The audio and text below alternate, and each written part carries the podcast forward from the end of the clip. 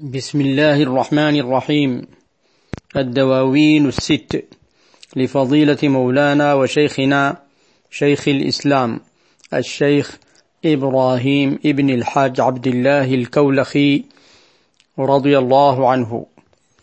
تقديم أبو عركي الشيخ عبد القادر النذير. الحلقة رقم 16 صفحة 28 من النسخة التي نقرأ منها حرف الكاف. قال رضي الله عنه كفاني همومي من كفى ظلمة الشرك وبدد أبطال البطالة والشك. كفاني جميع الهم صرت محررا. بفك رسول الله قلبي من الشرك. إذا حل جيش الهم بدد شمله. بنور يقين لا يريم فيا ملكي وأذكر بيتا قيل قبلي وإنه مقالي وحالي حالة الضيق والضنك. إذا كانت الأقدار من مالك الملك فسيان عندي ما يسر وما يبكي. ألا يا رسول الله يا خير مرسل؟ سموت عن الأكوان فضلا من الملك. ويسمو بك المداح فوق قرونه. ولو قصرت أعماله قلة النسك. رفعت إلى طه الأمين شكايتي.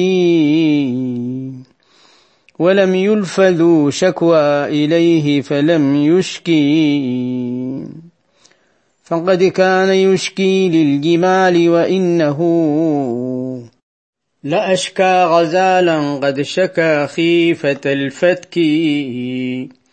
وذنون قد أشكاه من بعد يوسف وآبائه طرا من الفتك والهتك وحاصل هذا القول إنك رحمة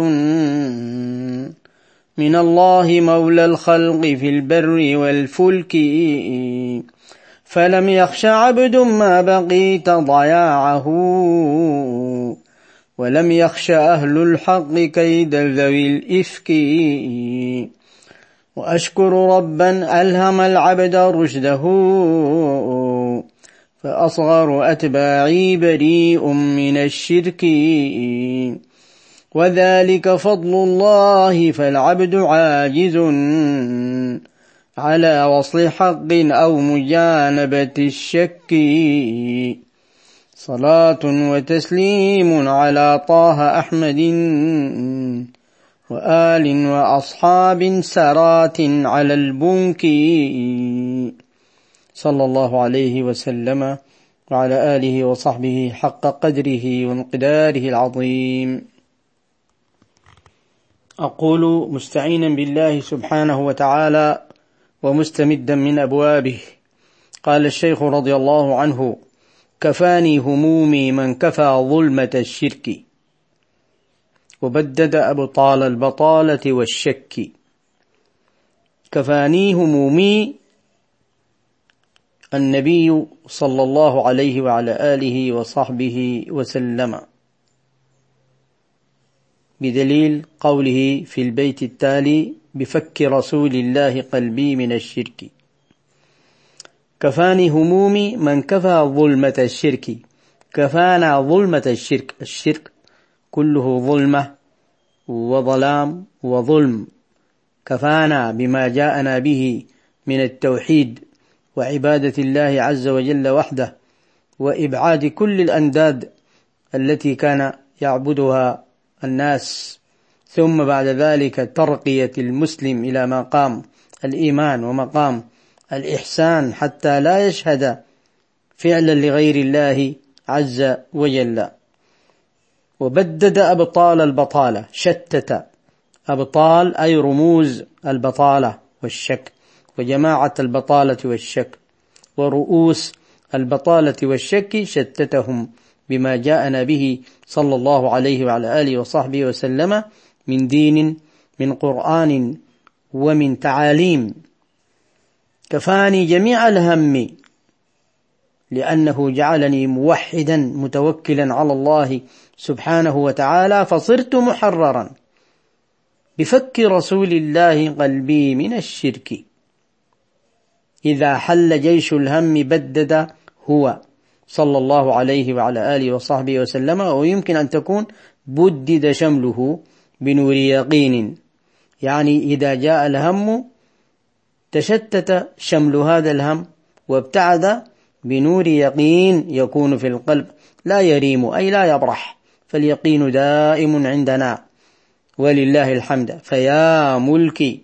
يعني فيا يا أيها الناس يا قومي انظروا إلى ملك الملكي الذي أعطانيه الله عز وجل الملك العظيم ويعطى هذا لكل مسلم مؤمن موحد. ملك عظيم. الشيخ رضي الله تعالى عنه عبر عن هذا الملك في إحدى قصائده فقال وقل لملوك الأرض نامت عيونهم فذلك ملك لا يقاس بدرهم. وأذكر بيتا قيل قبلي. أذكر في هذا المقام بيتا قاله أحد الشعراء قبلي. وإنه أي هذا البيت مقالي وحالي حالة الضيق والضنك فأنا متمثل به فهو مقالي وهو حالي. ما هو البيت؟ إذا كانت الأقدار من مالك الملك فسيان عندي.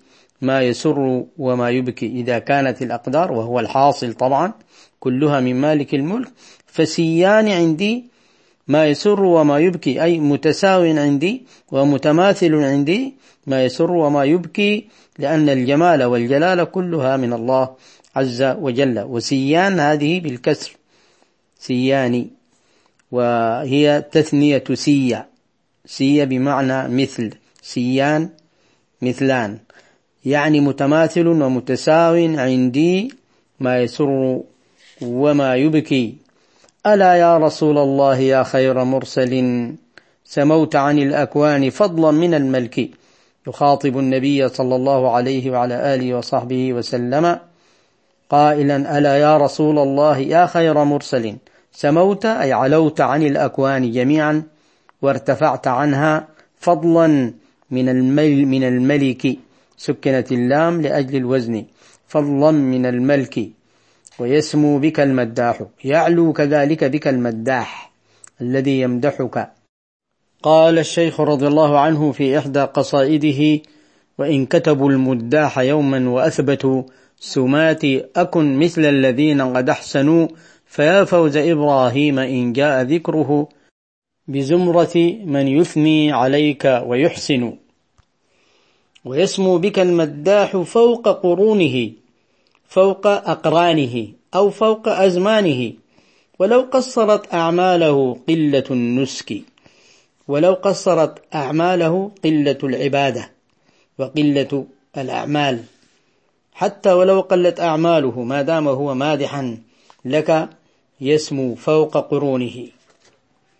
رفعت إلى طه الأمين شكايتي يبدأ التوسل بالنبي صلى الله عليه وعلى آله وصحبه وسلم. ولم يلف ذو شكوى إليه فلم يشكي. لم يوجد صاحب شكوى إليه فلم يشكي. كل من اشتكى له أشكاه صلى الله عليه وعلى آله وصحبه وسلم. وفي نسخة ذو شقوى يعني كل من كان له نوع من الشقاء أو البلاء واشتكى النبي صلى الله عليه وسلم أيضا يشكيه. فقد كان يشكي للجمال كان يشكي للجمال كما ورد في سنته صلى الله عليه وعلى آله وصحبه وسلم جاء جمل يجري ووضع حنكه على كتف النبي صلى الله عليه وسلم وصار يذرف الدمعة فسأل لمن هذا الجمل؟ فأخبر بأنه لواحد من الأنصار فأخبره وقال له لقد شكى إلي أنك تجيعه وتدئبه أي وتتعبه. فقد كان يشكي للجمال. وإنه لأشكى غزالا قد شكى خيفة الفتك. وقصة الغزالة هذه وردت في السيرة. ذكرها ابن كثير في البداية والنهاية وعزاها للحافظ أبي نعيم في كتابه دلائل النبوة. وأيضا ذكرها المحب الطبري في خلاصة سير خير البشر وخلاصة قصتها أنها كانت مقبوضة وقعت في شبكة فسألته هذه الغزالة سألت النبي صلى الله عليه وسلم إطلاقها فسأل أصحابها أن يطلقوها حتى ترضع رضعين لها وضمنها لهم فرجعت. قال لهم النبي صلى الله عليه وسلم تبيعونيها؟ فقالوا هي لك يا رسول الله. فقال خلوا عنها. فأطلقوها فذهبت. ثم قال رضي الله عنه وذنون قد أشكاه من بعد يوسف. هكذا الأنبياء. توسلوا به صلى الله عليه وعلى آله وصحبه وسلم لأنهم يعرفونه. إذ أخذوا الميثاق عند الله عز وجل أن يؤمنوا به ويتبعوه وينصروه قبل أن يظهر هو صلى الله عليه وعلى آله وصحبه وسلم وبشروا به كذلك أممهم وأخذوا الميثاق على أممهم أن يؤمنوا به إذا جاء فهم يعرفونه. صلى الله عليه وعلى آله وصحبه وسلم ويعرفونه أنه النور الأول الذي يستمدون منه. وذنون قد أشكاه أشكى ذنون أشكاه.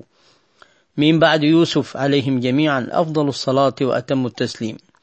وآبائه آباء يوسف أنبياء يوسف ابن يعقوب ابن إسحاق ابن إبراهيم طرا من الفتك والهتك من القتل والاغتيال والشق. فقد كان في ظهر أبيه إبراهيم عليه السلام عندما ألقي في النار. وحاصل هذا القول إنك رحمة من الله مولى الخلق في البر والفلك. فآية الرحمة الآية الجامعة التي يصلح أن تكون دليلا على كل ما يذكر في هذا الباب. المولى عز وجل قال وما أرسلناك إلا رحمة للعالمين. فلم يخش عبد ما بقيت ضياعه. لم يخش عبد مدة بقائك ضياعه. لن يضيع عبد كان متوسلا بك لا يخشى ذلك. ولم يخش أهل الحق كيد ذوي الإفك كذلك. وأشكر ربا ألهم العبد رشده. فأصغر أتباعي بريء من الشرك. الشرك الأكبر والشرك الأصغر والحمد لله. وذلك فضل الله. فالعبد عاجز على وصل حظ أو مجانبة الشك أي أو مباعدة الشك. كل ذلك من فضل الله عز وجل فليس بيد العبد شيء. صلاة وتسليم على طه أحمد وآل وأصحاب سارات على البنك. سارات أي أشراف على البنك على الأصل الثابت. فكانوا ثابتين لا يتغيرون رضي الله عنهم. خير أمة أخرجت للناس. ونواصل إن شاء الله تعالى.